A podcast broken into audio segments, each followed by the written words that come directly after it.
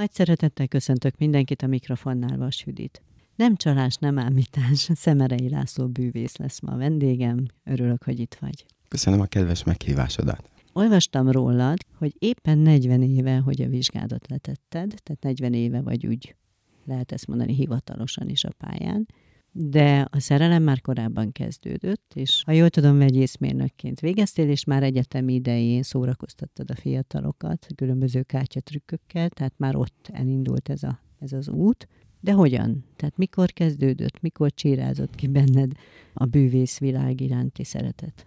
Az első fertőzést azt valamikor 1000, 1970 5-6 környékén kaptam. Az NDK-ban voltam egy csereüdülésen, és a család, akinél laktam, egyszer csak azt mondta, hogy mi elutazunk egy Zauberer Künstlerhez. Na most én azt nem tudtam, hogy mit jelent, egyből szótár, bűvész. És akkor, hogy van-e kedvem velük tartani? És mondom, hát hogy ne volna? És akkor elutaztunk Svédbe, az a lengyel határ mentén volt, és ez a bácsi, hát mai tudásommal nézve nem volt ő egy szupersztár bűvész, de hát akkor lenyűgözött. Lenyűgözött a trükkjeivel, legalább egy kis félórás műsorocskát sikerült tőle kirimánkodni. Ekkor mennyi idős volt? Hát olyan 15-16 körül lehettem. Hmm. És akkor ő megajándékozott egy olyan két-három kártyatrükkel, hogy azokat elmondta, a kártyákat hozzáadta, és hát ezzel már az osztályklub délutánon már lehetett szerepelni. Na akkor itt jött egy kis szünet, jött a katonaság, megkezdődött az egyetem, és az egyetemen egy olyan társaságba csöppentem a kollégiumban, akik,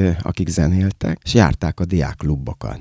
Mikor kiderült, hogy én tudok két kártyatrükköt, hát lehet, hogy volt az öt, hát most ez egy a lényeg, mai tudáshoz mérten egy nulla, akkor mondták, hogy tartsak velük, és akkor én bemutatom azt a két-három trükköt ott a klubban, klubokban, mert ugye hát több helyre mentünk. Ez Veszprémi Vegyipari Egyetemet jelenti, ahol tanultam, de eljutottunk egészen Szegedig, Szombathely, tehát nagyon sok felé jártuk az országot, és Hát ez nagyon klassz volt, mert nagyon jó volt a társaság, jó bulik voltak a klubokban, úgyhogy ez, ez nagyon tetszett. És akkor egyre jobban ment, mire végeztem az egyetemmel, már egészen jól ment, és akkor 81-ben végeztem, és akkor 82 környékén úgy adódott a kérdés, hogy most a bűvészkedés vagy a mérnöki pálya. És én azt éreztem, hogy nem igazán tartanak a munkámra igényt, és 82-ben kimentem az USA-ba, három hónapra a rokonlátogatóba. És a, hát a Jóisten úgy vezérelte, hogy eh, ahogy megérkeztem, másnap délelőtt ráakadtam egy kis bűvészboltra Clevelandben. Hm. És akkor oda én bejáratos lettem, és kint, hát nyilván 40 dollárra lehetett abban az időben kimenni látogatóba.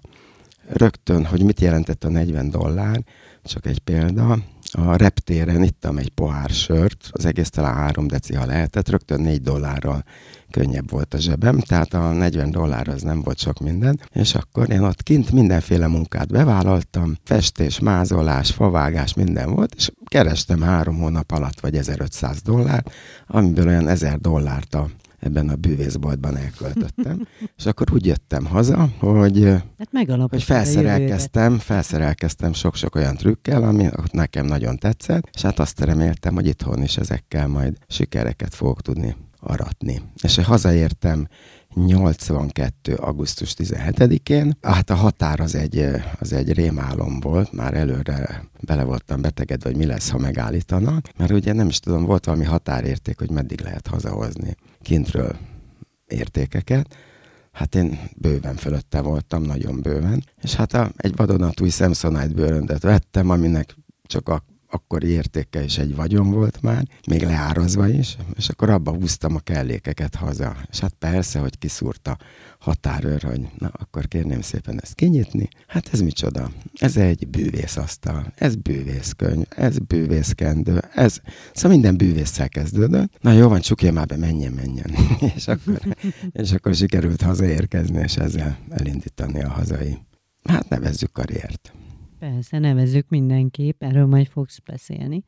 De mi az, ami igazán vonzott? Tehát jó, oké, voltak a sikerek ott az egyetemen, mm. Nem annyira láttál jövőt a másik útban, tehát voltak azért olyan dolgok, ami, momentumok, amilyen felé vittek, de te mit élveztél benne igazán? Hát ez egy jó kérdés, hogy mit, él, mit, mit élvez az ember, vagy miért szereti ezt csinálni. Hát nyilván ez, ez egy szórakoztató műfaj, hogyha valakinek az arcára sikerül mosolyt csalni, egy csodálkozást, hogy hú de jó, azért ebben sok munka van, tehát ez nem olyan, hogy ez egy könnyen jött jó pofaság, amit az ember csinál, ebben rengeteg munka van. Tehát például, mikor 83. októberébe vizsgáztam, október 13-án, és hát már szeptembertől ment rá a készülés, de nagyon. De hát nyilván ez azt jelentette, hogy addigra már ez a műsor készen volt, csak azt még egy kicsit tökéletesíteni kellett. És akkor szóltam a nagynénémnek, hogy hát még sok munka van. És akkor a nagynéném, mint egészségügyi dolgozó, bement a körzeti orvosomhoz, hogy van neki egy rokona, és egy hét táppénzt intézzem már. És, hát most már mondhatom, mert elévült a dolog. És akkor a doktor úr egy hét táppénzre kiírt, és a, akkor ott minden nap otthon napi tíz órába gyakoroltam a műsor. Na azóta táppénzen azóta se voltam, tehát úgy gondolom, hogy ez belefért a, egy életbe, hogy egyszer hét napig táppénzen voltam. Mm. Na és akkor jött a vizsga, sikerült elsőre, általában mindig második, harmadikra mentek át a vizsgázók. A Rodolfo Rudi bácsi nagyon szigorú volt a vizsgákon, és akkor onnantól bűvésznek valhattam magam. De ezt azért kimondani öreg bűvészek köré, vagy hát én már bűvész vagyok, ezt én sokáig úgy, úgy nem mertem, mert hát ők voltak a nagy művészek, a nagy bűvészek, hát én meg ott a kezdőként, úgyhogy én hát úgy, úgy meglapultam, és hát igyekeztem tőlük mindent elsajátítani. Mm. És mikortól mondott ki? Hogy bűvész? hát azért már 80, 84-ben már nyertem bűvészversenyt. 83-ban harmadik lettem egy versenyen, azután jött a vizsga, tehát ez a harmadik hely, ez már, ez már úgy gondoltam, hogy akkor megvan a döntés, hogy a bűvészvonalat fog kelleni erősíteni. 84-ben azt hiszem volt egy második helyem, és igazából a nagy áttörés az, az 94-ben jött be. 94-ben akkor egy hazai nemzetközi verseny nyertünk, és 94-ben Kárló Vivariban is nyertem egy versenyt, illúzió kategóriában. Akkor már négy kutyával dolgoztunk, kutya eltűnt, megjelent, lebegett a színpadon, úgyhogy jó kis műsor volt. És amikor ez meglett, ez a két díj, akkor utána indult meg a, a nemzetközi pályafutás. És Én... akkor már el tudtad magadról hinni, hogy hát igen. Akkor, az már, akkor már sejtettem, hogy most már igen. Azt, hogy Rodolfo előtt vizsgáztál, ez, és úgy tudom, volt már előtte kapcsolatotok, jártál is nála. Ez egy biztos nagy megtiszteltetés lehetett.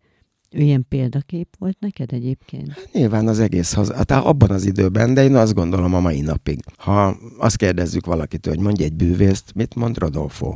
Pedig azóta van világbajnokunk is, a Hajnóci Soma, ami azt jelentette, hogy arra az évre a nemzetközi bűvészvilág őt választotta meg a legjobbnak. Rudi bácsinak ilyen címe nem volt.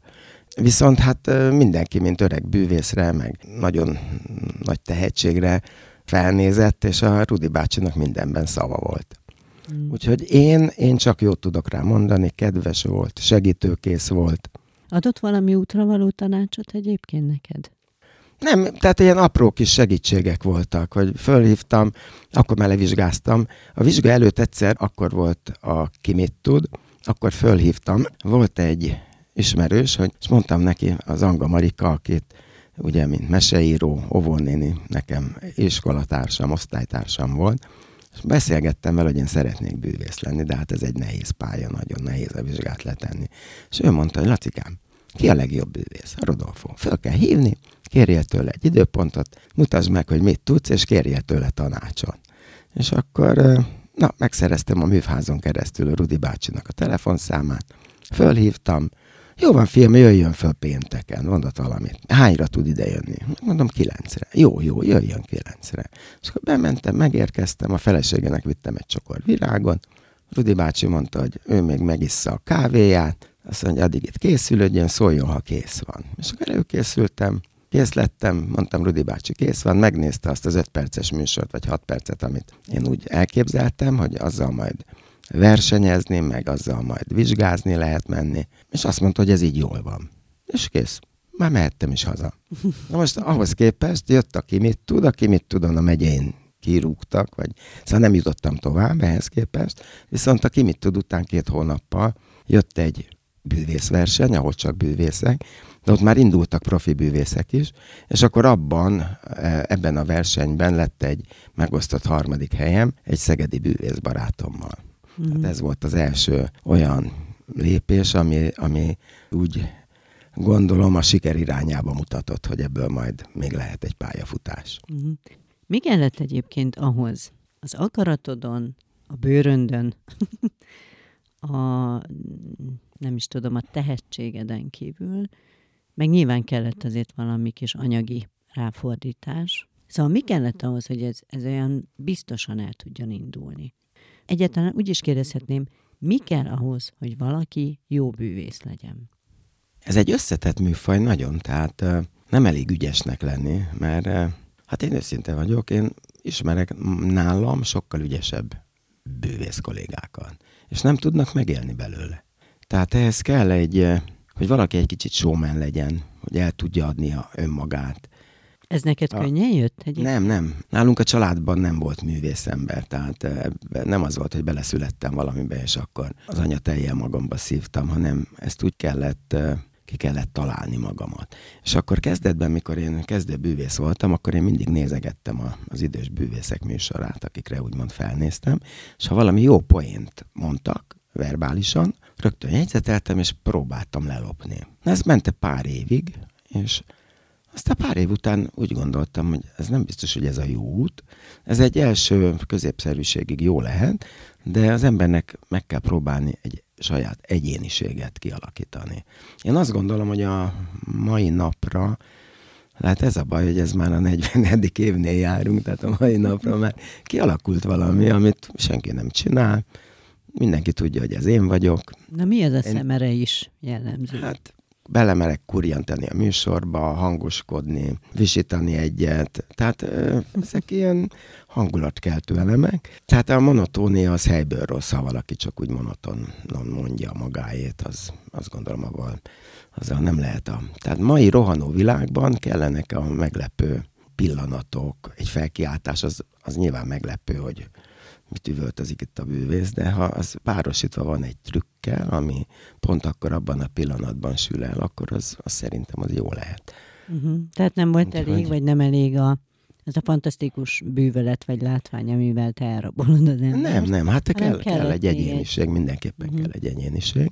És akkor én, amikor kezdtem a pályát, akkor az első húsz évem az a felnőtt műsorok világából telt. Abban az időben, 80-as években rögtön, ahogy megkezdtem a pályát, 84-től már éjszakai bárokban dolgozhattam. Ez azt jelentette, hogy abban az időben minden városban, nyugodtan mondhatom, hogy minden városban, nyíltak éjszakai bárok, revűbárok, ahol két-három striptízes, hát ők voltak a fő attrakció, egy énekes, egy bűvész, vagy valamilyen artista csinált egy 45-50 perces műsort. És így sikerült bejárni az országot is. Tehát eh, minden héten hat munkanap volt, egy szünnappal, és akkor valahol, valamelyik vidéki városban dolgozhattam. Így aztán megadatott az is, hogy például a Cserháti Zsuzsa, ő a Debreceni Aranybika bárban volt szerződéssel, vagy két évig. A szegény pont akkor került oda, amikor ugye Pestre már nem kellett, mert hát túl súlyos lett, és akkor viszont a hangja az meg zseniális volt, és a Bika bárba leszerződtették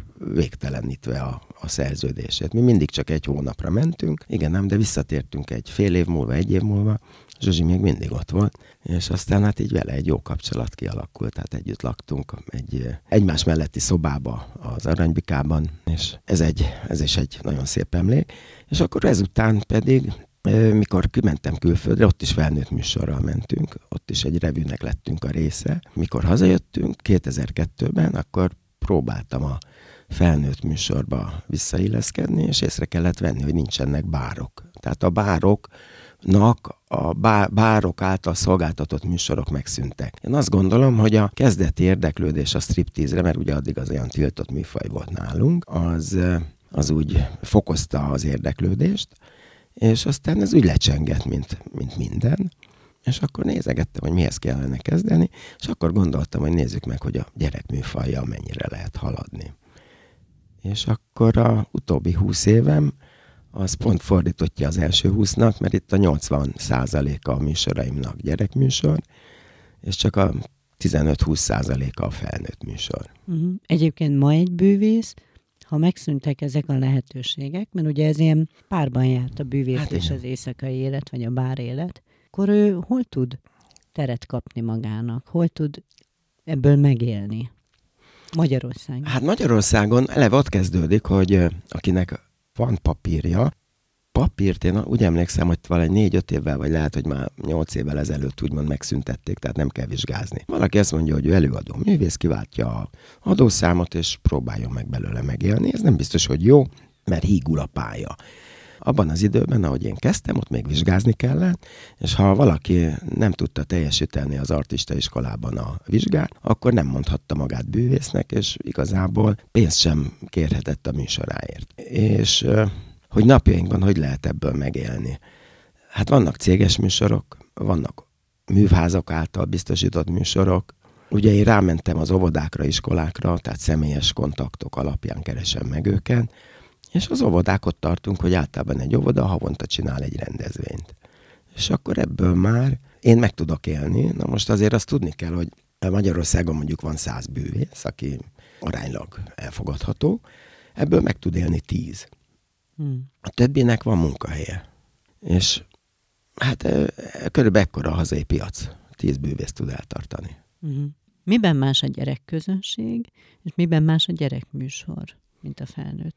Hát a gyerekműsor az egyébként nálam szinte ugyanaz, mint most már, mint a felnőtt műsor. Mm. Mert a gyerekek egyre okosabbak, tehát én arra emlékszem, hogy a régi öreg bűvészek oda mentek, és akkor na azt mondja, most figyelj nagyon, ezt így ide teszem, de nem tette oda, nem visszahozta a kezébe, na hol van, akkor forgolódott, nem ott van, nem ott van, és ment a visítozás, a gyerekek kiabáltak, hogy nem is ott van. Tehát ezzel már nem lehet. Manapság még az óvodákban is olyan műsorokat csinálnak, olyan trükköket, hogy a felnőtt is tudja rajta csodálkozni. Tehát ez muszáj, mert hát eleve a felnőtt rendeli meg a műsor, tehát hogyha mondjuk oda megyek egy egy falunapra, egy céges rendezvényre, ahol vegyes korosztály van, óvodás, iskolás, szülő, nagypapa, nagymama, akkor ezt úgy kell tudni megpróbálni kiszolgálni, hogy a kisgyerek, az óvodás, az mindent értsen, a szülő az meg nem mondhassa azt, hogy hát igen, már kicsit kezdtem mondani, de az, a gyerekek élvezték, mert ez nem jó így, hanem, hanem emiatt van az, hogy itt nincs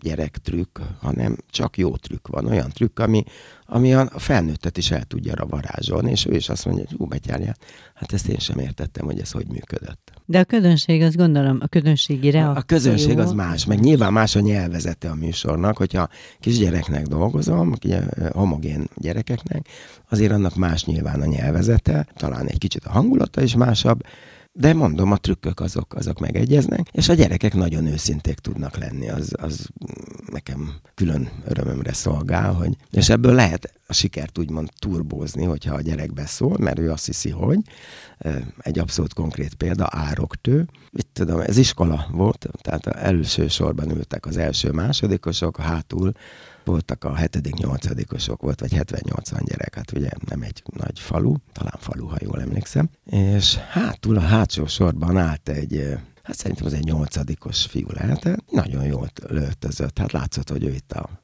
ebben a közegben ő egy ilyen szupersztár srác.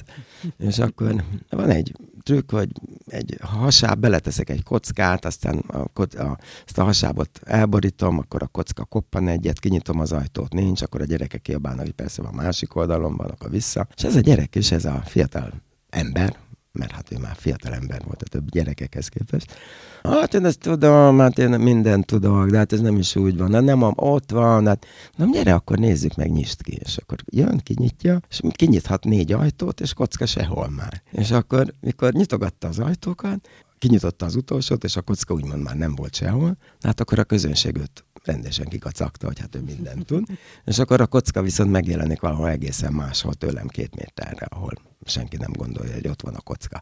Na onnantól kezdve ez a fiatalember olyan szépen ült végig, és semmiben nem dumált bele. Úgyhogy szóval vannak ilyen, ilyen trükkök, amik a kötegedő nézők csillapítására szolgálnak. Mm. Egyébként nem csak rájuk, szerintem ez a egyik fontos tétkotok, hogy hogy olyat csináltok, amire mi átlagemberek ugye képtelenek vagyunk, és próbáljuk megfejteni a titkot, de nem tudjuk, és a kíváncsiság is hajt minket, hogy hogy a fenébe tudja megcsinálni. Másrészt az a tudat tényleg, hogy, hogy valami misztikusat tudsz csinálni, amit mi átlagemberek nem. És ez a kettő szerintem egy nagyon jó hatóeszköz, ezzel tudtok ránk nagyon jól hatni. Trükkjeid közül mi az, amivel elindultál? Nem tudom, én, aki annyira nem vagyok benne mhm. ebben a világban, én ilyen és mit nyilván gyerekkoromban is ilyeneket láttam, főleg, hogy kátyatrükkök, kalapkendő, nem tudom, galamb. Tehát, hogy ezek voltak-e a repertoárodban, vagy te valami teljesen mással kezdtél? vagy próbáltál valami különlegesebbel, és a kutyusok, mert az viszont annak uh-huh. számít nagyon, azok mikor jöttek be ugye a mutatványait közé? Hát az első trükkök nyilván de ezek a nem említésre méltó trükkök, azok a kártyatrükkökkel kezdtünk, hiszen az a legolcsóbb. Egy kártyát megvenni az pár száz forint volt, vagy abban az időben még pár száz, sem csak, mit tudom én, 10-20 forint, vagy nem, már nem emlékszem.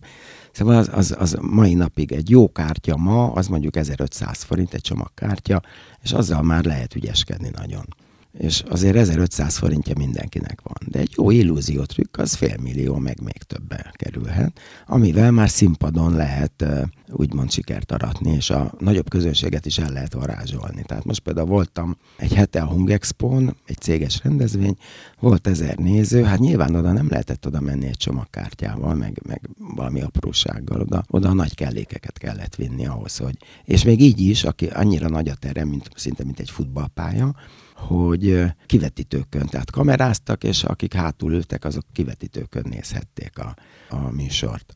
Tehát az első időszakban, mondom, kártya, utána valahol Németországban sikerült vennem egy amerikai trükköt, egy fantázió gyertya. Ez azt jelenti, hogy egy gyertyatartóból kiveszem a gyertyát, kendő lesz belőle, virág lesz belőle, tehát a gyertyát meggyújtom, eltűnt, és ez akkor senkinek nem volt. És én ezt már meghoztam valamikor 78-ba Magyarországra, de ezt úgy nem használtam, mert azt, azt gondoltam, hogy hát ez nem is olyan jó. És akkor Pesten egyszer egy bűvész kollégának ezt elmondtam, hogy nekem ilyen van, és hát ott ájuldozott, hogy neked ilyen van, hát ez egy világszám, ez csoda, ezt, ezt csinálni kell. És a vizsgára már ezzel mentem igazából, mert tényleg ez egy színpadi trükk, ezt nem lehet fél méterről, két méterről csinálni, mert az akkor nem, nem az igazi. De már kellő távolságból, egy 6-7 méterről tökéletes a hatás, és hát ez nyilván segítette, plusz galambok.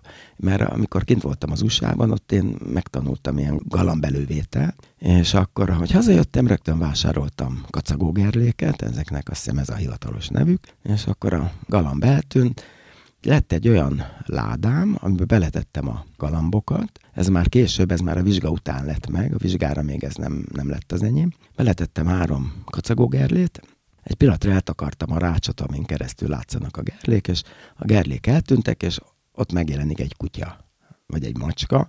Nekem kezdetben nem volt macskám, egy nagy fehér boát beletettem, és akkor egy nagy fehér boa ugye, amit a hölgyek így a éjszakai bárokba így a nyakukba vettek. És egyszer, az már szerintem 86-ot írunk, a Lenin úton laktam, mai Deák Ferenc út, és a negyedik emeleten lakva egyszer csak, ahogy nyitom az ajtót, a szomszédnéni kint volt a teraszon, és kigurult mellőle egy, hát egy ilyen két öklömnyi kis hófehér kutyuska. És mondom, ez így csokom, de jó kutyája van. Azt mondja, hát igen, Laci, most kaptam, most kaptam, de nekem ez nem kell, én már öreg vagyok hozzá. Eladó.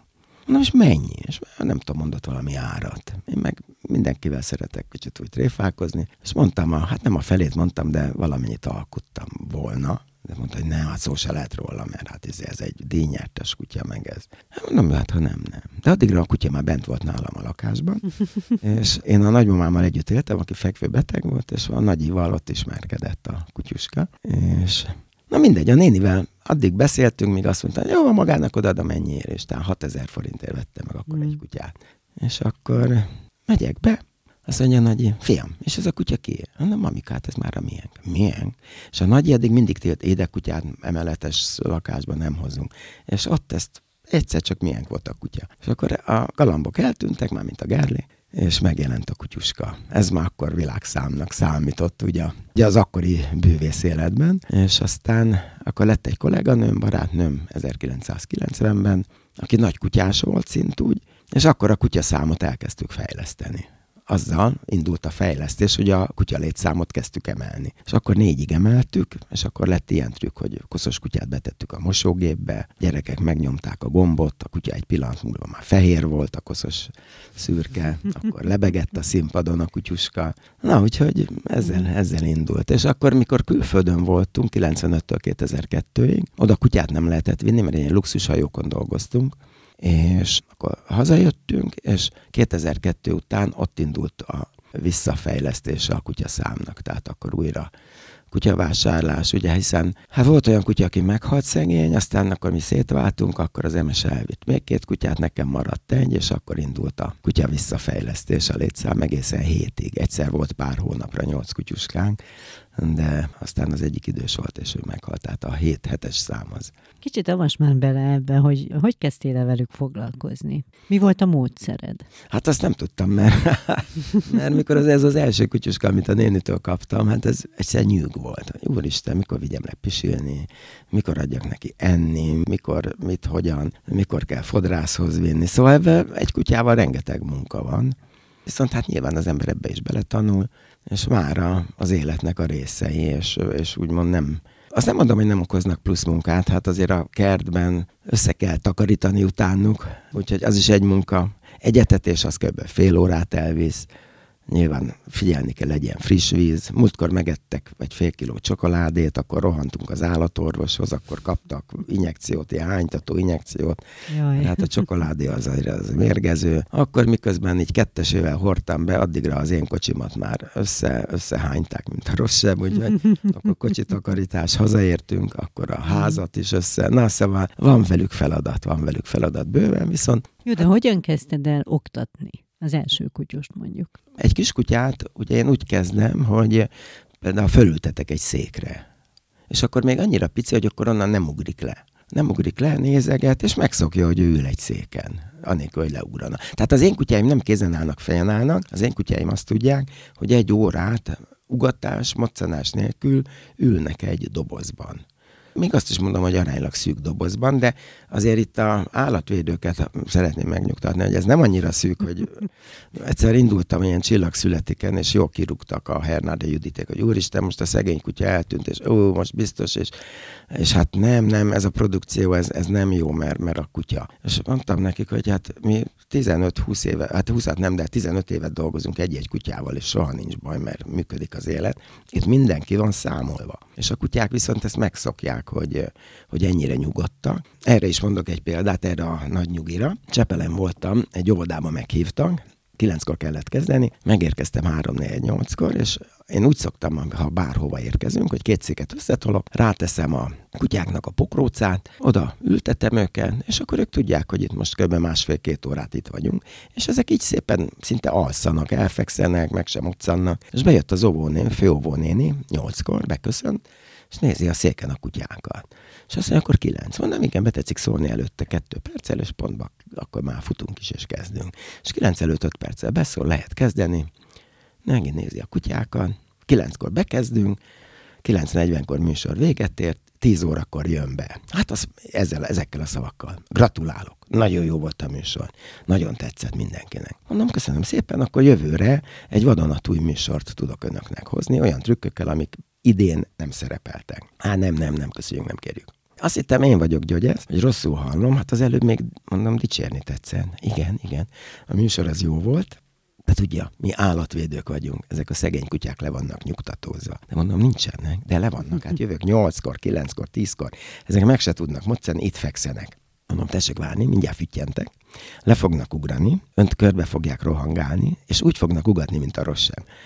Hát ő ezt el se hiszi. Na, csak ennyit kell mondani, hogy egy füttyentés, már ugrottak, óvonénit jó körbe rohangálták, jól megugatták, aztán kirohantak az udvarra, azon a héten ez volt az utolsó pesti műsor, jöttünk haza Egerbe, ugrottak be a kocsiba saját lábon, tehát nem az, hogy én pakolom őket, és azt mondta az óvonéni, hát tényleg. Azóta eltelt húsz év, minden évben ott vagyunk ebben az oviban. Ez nagyon aranyos történet. Azon nem gondolkodtál, mert említetted, hogy milyen sokat voltál külföldön, hogy ott maradj valahol? Én egyszer gondoltam a diszidáláson, amikor az USA-ba mentem ki 82-ben, akkor nem éreztem azt, hogy, hogy itthon lehet valamire jutni. És akkor úgy mentem el, hogy hát ott lesz valami jó alkalom, akkor maradnék. Igen, nem, de a rokonok, akikhez oda kerültem, azok ilyen 80-82 éves idős emberek voltak, akik kedves segítőkészek voltak, de ők már otthon üldögéltek, nem jártak társaságba. Ebből eredően fiatalok közé nem kerültem. Ez a bűvész klub, a, a, amit említettem, hogy oda bejáratos lettem, ővelük elmentem egy-két helyre, És bennem mindig volt honvágy is azért. Hazajöttem úgy, hogy azt én itthon megígértem a azt hiszem, ott behívtak tána a rendőrségre egy beszélgetésre, hogy akkor most kint marad, vagy mit, mit tervez. Mondtam, hogy nem, én azért csak hazajövök. Hazajöttem, és amikor már kint voltunk hajón, és ott jól kerestünk, mert jól kerestünk, meg teljes ellátás volt, akkor, mint a katonák, szinte vágtuk a centit. Pedig nagyon jó életünk volt, tehát naponta 20 percet dolgoztunk, azért azt ki lehet bírni bárhol, és napközben meg oda mentünk a hajó fedélzetén, ahol akartunk, tehát nem úgy, mint a pincérek vagy a takarítók, hogy csak a mélyben, csak a sötétben, mert a fedélzet az a vendégeké, hanem mi közlekedhettünk a vendégek között is, sőt velük együtt vacsorázhattunk. És hát a honvágy megvolt, a hazai barátok, a rokonok, az, hogy tegerbe bemegyek egy boltba, éppen nincs nálam pénz, akkor jó, majd holnap behozod. Tehát ezek olyan apróságnak mondható valamik, de ezek nagyon nagy dolgok, hogy ennek a kiépítése, hogy, hogy neked van hiteled, és majd holnap behozod, ez, ez nem 10 perc, meg ez, ez, ez éveknek a, a munkája, hogy téged elfogadnak, és, és megbíznak benned. A kutyuson kívül mi volt még az, hogy egyáltalán koncentráltál arra, hogy mindig újakat és újakat, új elemeket vigyél be a műsorba, és ez tart-e még ma? Tehát ma is képzett, fejleszted, Még ma is, tanulsz. igen. Igen? Mm, igen, igen, igen. Már csak azért is, mert ha például megyek, most maradjunk egy óvodánál, mert mára ugye ők a fő, fő csapás irány, és az óvodák, ahogy említettem ezt az óvodát és ezt a csepelit, hogy 20 év óta minden évben megyek, a gyerekeknek nagyon jó a memóriája. Melyik időszak volt a te vagy a ti, mikor párban dolgoztál, csúcsidőtök? Melyik volt az az időszak? Ez Szerintem az az az időszak volt, 90-es évek, igen, amikor már külföldön is dolgoztunk, Sőt, hát itthonról indult ez a pálya, hogy akkor úgy nézett ki egy önálló műsor, mondjuk egy 45-50 perces műsor, hogy bekezdtünk egy kutyás galambos számmal, azt ketten, utána a partnerem az letolta a ládákat, én valami szöges trükköt megcsináltam, hogy mondjuk például a bűvös kockával. A bűvös kocka trükköm az 1982-re datálható. Ott találtam ki, hogy Mármint a néző... ez a klasszikus bűvös kocka? A, klasszikus bűvös kocka, hogy egy alig nagyobb, pár milliméterrel nagyobb kis dobozkába beteszem a bűvös kockát, néző összekeveri, betesszük, levesszük a tetejét, és ki van rakva a kocka. Utána megint odaadom a nézőnek, hogy megint keverje össze, megint visszatesszük a dobozba, és megint ki van rakva. És akkor utána mutatok egy kockát, hogy ezt a trükköt megtanítom, mutatom, hogy össze van keverve egészen 20 centire az óra előtt, földobom, leesik, és minden oldala ki van rakva. Mára vannak a bűvös kockával trükköző bűvészek, sőt új technológiákat találtak ki, Viszont az enyém az 40 éves, és még mindig működik, és még mindig jól mutat. Tehát abban az időben az egy forradalmian új dolog volt, új trükk volt, és amikor valahogy ennek híre ment a Politoy szövetkezetnél, ők, csinál, ők gyártották a bűvös kockát a 80-as években, és akkor engem az elnök úr meghívott, mondta, hogy mutassam be a trükköt, bemutattam, akkor még dolgoztam, a, mint mérnök, és azt mondta, hogy jön a Budapesti Nemzetközi Vásár, egy hétre vagy tíz napra, nem tudom milyen hosszan tartott, de valahogy így egy hét, tíz nap, erre szeretném önt szerződtetni ezzel a bűvös kocka trükkel. És ugye akkor a havi jövedelmem volt 4000 forint a mérnöki, és ott rögtön a, egy hét alatt, tíz nap alatt rögtön kerestem 20 ezeret. Úgyhogy az nagyon nagy pénznek számított, és akkor például ott a vágópistával dolgoztam együtt, ő volt a játékvezető mókamester. Hát nem mókamester, tehát nem ilyen értelemben, hanem ilyen kvízeket, és akkor bűvös kockát osztottak ajándékba az ott lévő látogatóknak. Úgyhogy például ez a, a bűvös kockával a, egy szép történés, hogy ott is sikerült azért megismerkedni uh-huh. sok emberrel. Unod már ezt a kérdést, hogy áruld el a trükköt? És el szoktad árulni. Régebben nagyon úgy készülöttem mindig elő, hogy nehogy valaki lásson valamit. Tehát ugye együtt az énekesekkel, táncosokkal általában egy öltözőt kaptunk, akkor én úgy fordultam, hogy senki ne lásson semmit én, amikor én ott dugdosom el a kellékeket. Már a máz azért nem ennyire így van, én azt gondolom. Tehát ha jön egy kezdő bűvész, akkor segítek neki, mutatok trükköket, adok tanácsokat. Annyi kellékem van, hogy most ha ő mutat valami trükköt, és én megyek utána bárhova, akkor ha megtudom, hogy ő mit csinált, akkor én azt nyugodtan ki tudom hagyni, mert van helyette másik tíz, ami belefér a műsorba. Mikor kóstoltad meg azt, hogy híres vagy, vagy, vagy sikeres és híres, vagy akkor mondom inkább így. Az első külföldi munkánk az a Belgium 1990, az éjszakai bárokban, ilyen striptease bárokban ment. Este 10 reggel hatig munkaidő volt. Ez, ez nem azt jelentette, hogy ott bűvészkedni kellett reggelig hatig, hanem ott kellett lenni egy, egy készenléti állapotban, és a főnök úgy ítélte meg, hogy a bűvész most következik, akkor szólt Mr. Sammy, 10 perc most színpadra kérem. És akkor volt, hogy reggel negyed hatkor szólt, hogy fél hatra színpadra, és hogy mi volt az oka, bejött két részeg, aki én csináltam a műsor, ezek egy pillanatra oda nem néztek, hát reggel fél hatkor már nyilván részegek, is lehettek, vagy egész biztos azok is voltak, kiszogattak, dumálgattak. Én csináltam a dolgomat, egy 10 perces műsorszámot. Na, úgyhogy ez nem tetszett. Ezt csináltuk öt hónapig, és akkor újra a hazai piacra dolgoztunk, és a, hajó azt tetszett, mert ott, ott ez a napi kétszer 10 perces műsor ment, és az, az, azért az nagyon klassz volt, az egy könnyű, jó, jó élet volt. És egy pillanatra elkanyarodtam, hogy hogy, hogy szólt a kérdésed, hogy nehogy... Mert itt... Hát, hogy mikor kezdted azt ja, ja, igen. És akkor a hajózásnál az első utunk az Görögország volt, és ott egyhetes utakat csináltunk, Pireuszból indult a hajó, és akkor Pireus, Santorini, Mykonos, a Mykonos az már visszafelé, Santorini, Kréta, Rodos, Patmos, Kusadasi, ez már Törökország, Isztambul, és hazafelé jövet pedig már eh, Mykonos, és úgy újra Pireus, ez volt a, az úti cél, vagy a, a menetrend, és itt hát mi nyilván ott voltunk öt hónapot, minden alkalommal Kusadasziba mentünk és nézelődtünk. Én imádtam ezeket a török bazárokat, a régiségeket nézegetni. Nyilván az ember összehaverkodik török kereskedőkkel. És utána mentünk a Karib-szigetekre, mentünk Indonéziába, hát ezeken mindkét helyen egy-egy évet töltöttünk szinte. És akkor legközelebb megint jött a görög út, nagy örömömre, mert hát azt én nagyon imádtam. És akkor Isztambulban egyszer csak valaki kiabál, Mr. Sammy!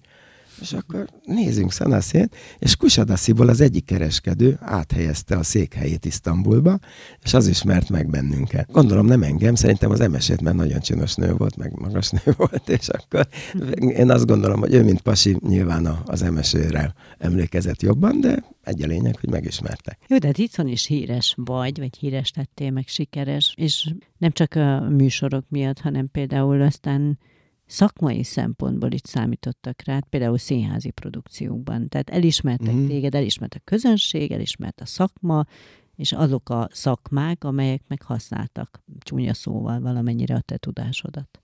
Tehát magyarul elindultál ugye fiatalon, 15-16 évesen ezen az úton, és aztán nagyon szép lassan bejártad azt, amit szerintem ebben a szakmában, bár ezt elmondhatod, van-e bármilyen hiányérzeted, de ebben a szakmában és azokban az időszakokban, tehát 80-as években, 90-es, 2000 stb. egy ember elérhet.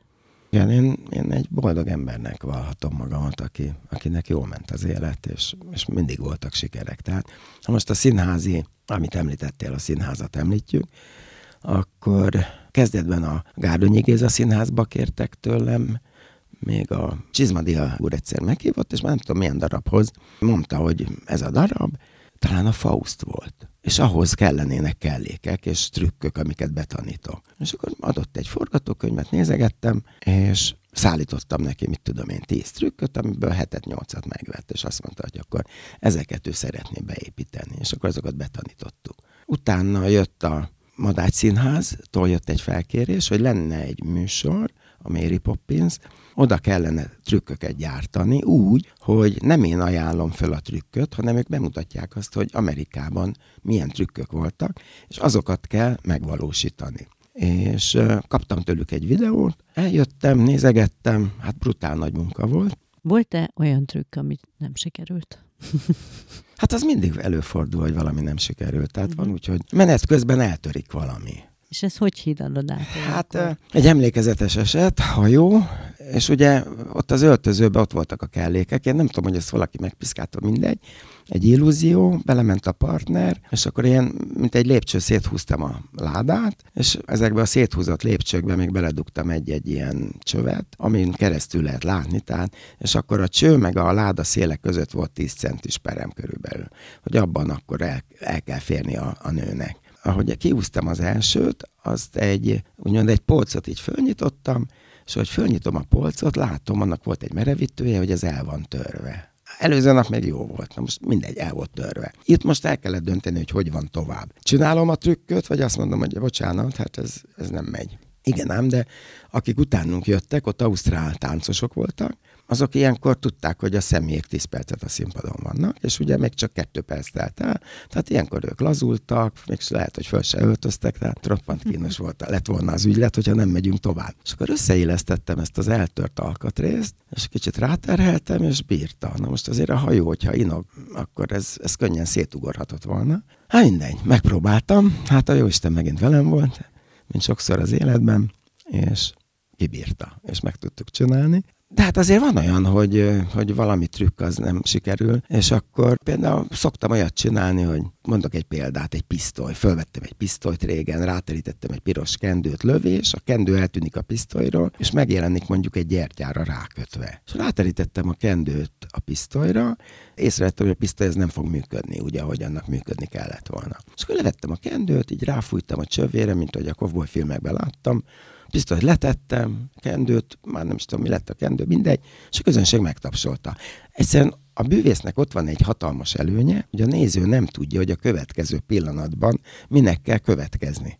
Uh-huh. És gondolom furcsálhatták, de mivel a műsor megy tovább, és pörög, és még sok trükk van, a végére lehet, hogy ezt el is felejtik, hogy mi volt az a pisztoly, és azt nem igazán értettem. Uh-huh. Igen, erre is mondtad neked, hogy egyrészt nem értünk hozzá, tehát mindent befogadunk, másrészt meg a váratlanság, a meglepetés, az a kiszámíthatatlanságod és egy nagy titkod. Nagyon izgalmas, tartalmas életút van mögötted. Hogy fért ebbe bele, vagy beleférte a család? Hát ez, igen, talán ez egy kicsit, tehát lett egy feleségem még az egyetemen, lett egy lányom, és aztán mire az egyetemet befejeztük, el is váltunk, aztán hát a lányomnál van két unoka, de a bűvészkedés annyira nem érdekli őket, úgyhogy hát a, a család azért az, az jó kifejezést keresgélem, tehát az egy kicsit megsínlette ezt a sok utazást, igen. Avval együtt, hogy például a lányom az kijött hozzám a Karib-szigetekre, kijött Görögországba meglátogatni, ott volt. De hát eh, ugye állandóan, hogyha az ember úton van, akkor a, a családdal nem tud annyira együtt, együtt lenni. Uh-huh. Azt hiszem, erre mondják, hogy viszonylag nagy áldozatot kellett hozni. Igen. Egy ilyen nagyon szép jubileum idején ugye az ember valamennyire összegez. Most végül is valami ilyesmit tettünk mi is, és mondtad, hogy elégedett és boldog ember vagy, de egyrészt van-e, amire vágysz még, vagy van-e benne terv, másrészt van-e bármilyen szempontból valamilyen hiányérzet? Hát ez egy szép kérdés. A felelet az pedig nyilván biztos lehetett volna többre vinni, de én azt gondolom, hogy, hogy Hát mi egriek nagyon büszkék vagyunk rád. Tényleg? Köszönöm, hálásan. hát figyelj, megy az ember az utcán, és akkor az óvodások integetnek, köszönnek, hát ez már egy kis csoda igazából. Aztán rájuk kell döbbenni, mikor megyek valahova, felnőtt rám köszön, azt mondja, amikor óvodás voltam, láttam magát. Már most itt tartunk ugye a 40 évben, ez is belefér, vagy, vagy ilyet is mondana. Igen. És valami szakmai szempontból valamilyen terv? Hát figyelj, itt, itt most már Nehogy azt szokták... mondta, csak túl kell élni a napokat. De valami ilyesmit akartam mondani, hogy ahogy szokták mondani, hogy mert én már tartós tejet sem veszem meg, mert, mert ki tudja, mi van holnap. Igen, hát meg tudom én, februárban beesett egy kis prücök, túléltem, másfél hónap múlva már újra dolgoztam, ami, amin azért sokan meglepődtek, és most is napi 12-14 órák néha lemennek, uh-huh. hiba nélkül. Mit csinálsz, ha nem dolgozol? A szörnyű. Tehát mikor megjött a Covid, hát az volt a életem legszörnyűbb része. Ez nem csak pénzügyileg, hanem az, hogy otthon üldögélünk, vakarózunk, le volt kötve egy csomó műsor, ugye március 11 hát ez belém éget. Március 11-jel megállt az élet, lehúzták a redőnt, le volt kötve 70 műsor a gyereknapi, az mind elúszott, és arra az évre még talán vagy 20 műsor, ilyen kis pici születésnapi műsorok, ilyen kicsit illegalitásba vonulva még lefutottak, de, de hát ugye amikor az ember hozzá van ahhoz szokva, hogy megy, kocsi, ide megyünk, oda megyünk, száguldás, akkor az, ez, ez nagyon, nagyon sivár élet volt. Hát én kívánom neked, hogy minden aztán úgy alakuljon még, ahogyan szeretnéd, és Engem elbűvölt ez az életút, és köszönöm az őszinte beszélgetést, nem trükköztél. Úgyhogy nagyon örülök, hogy itt voltál. Én köszönöm a meghívást, boldog új évet, és nagyon a legfontosabb jó egészséget neked és a hallgatóknak. Viszont kívánom neked is. Kedves hallgatóink, önök Szemerei Lászlót és Vas Juditot hallották. Hallgassanak minket máskor is. Köszönöm a figyelmüket, viszont hallásra.